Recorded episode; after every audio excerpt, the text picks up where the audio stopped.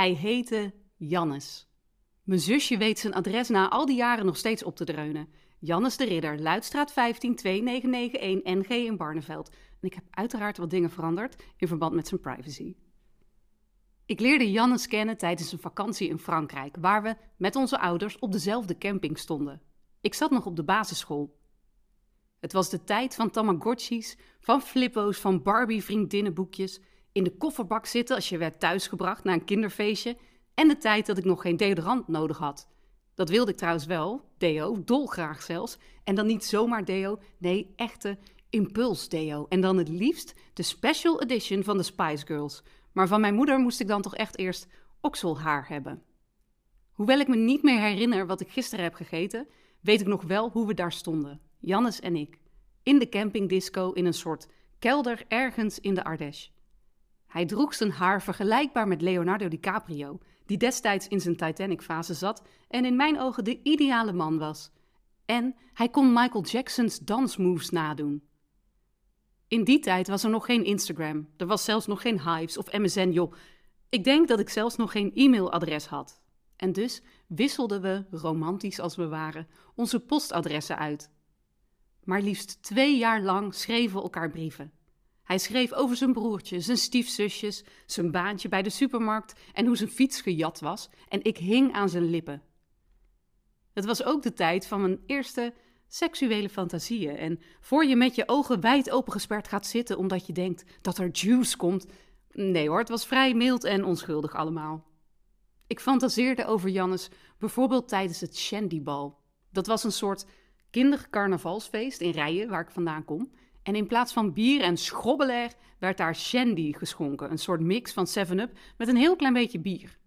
Zelf dronk ik op zo'n avond misschien één flesje cola. Verder slurpte ik gewoon water uit de kraan bij de wc's en spaarde de rest van mijn carnavalsgeld op, zodat ik lekker een grote zak met snoep kon gaan scheppen bij het kruidvat of koekkruimels kon kopen bij de stroopwafelkraam op de markt.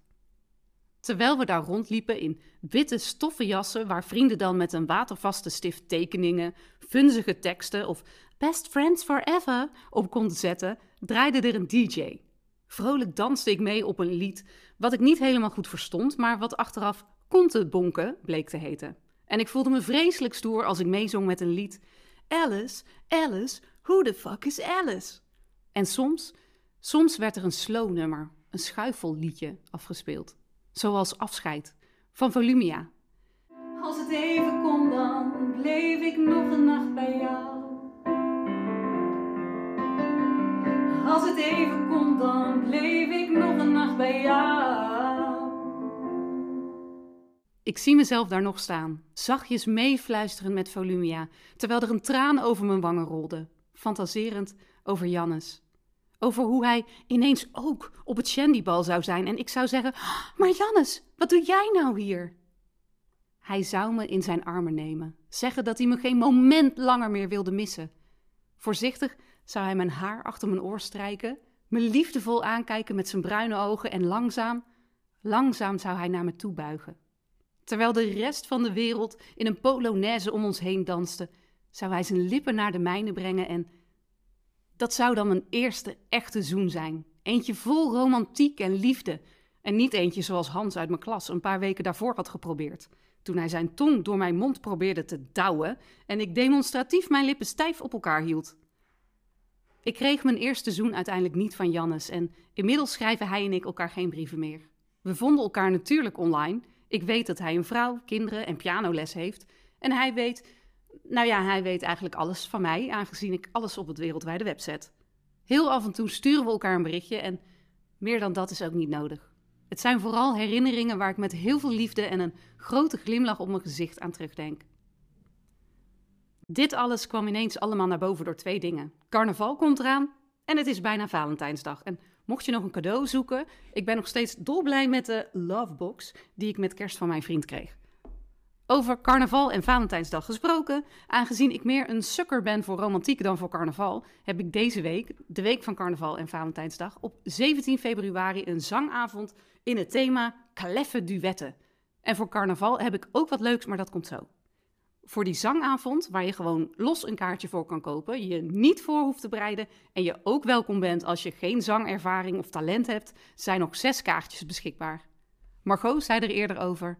Tijdens de zangavond van Anne durfde ik voor het eerst echt voluit te zingen.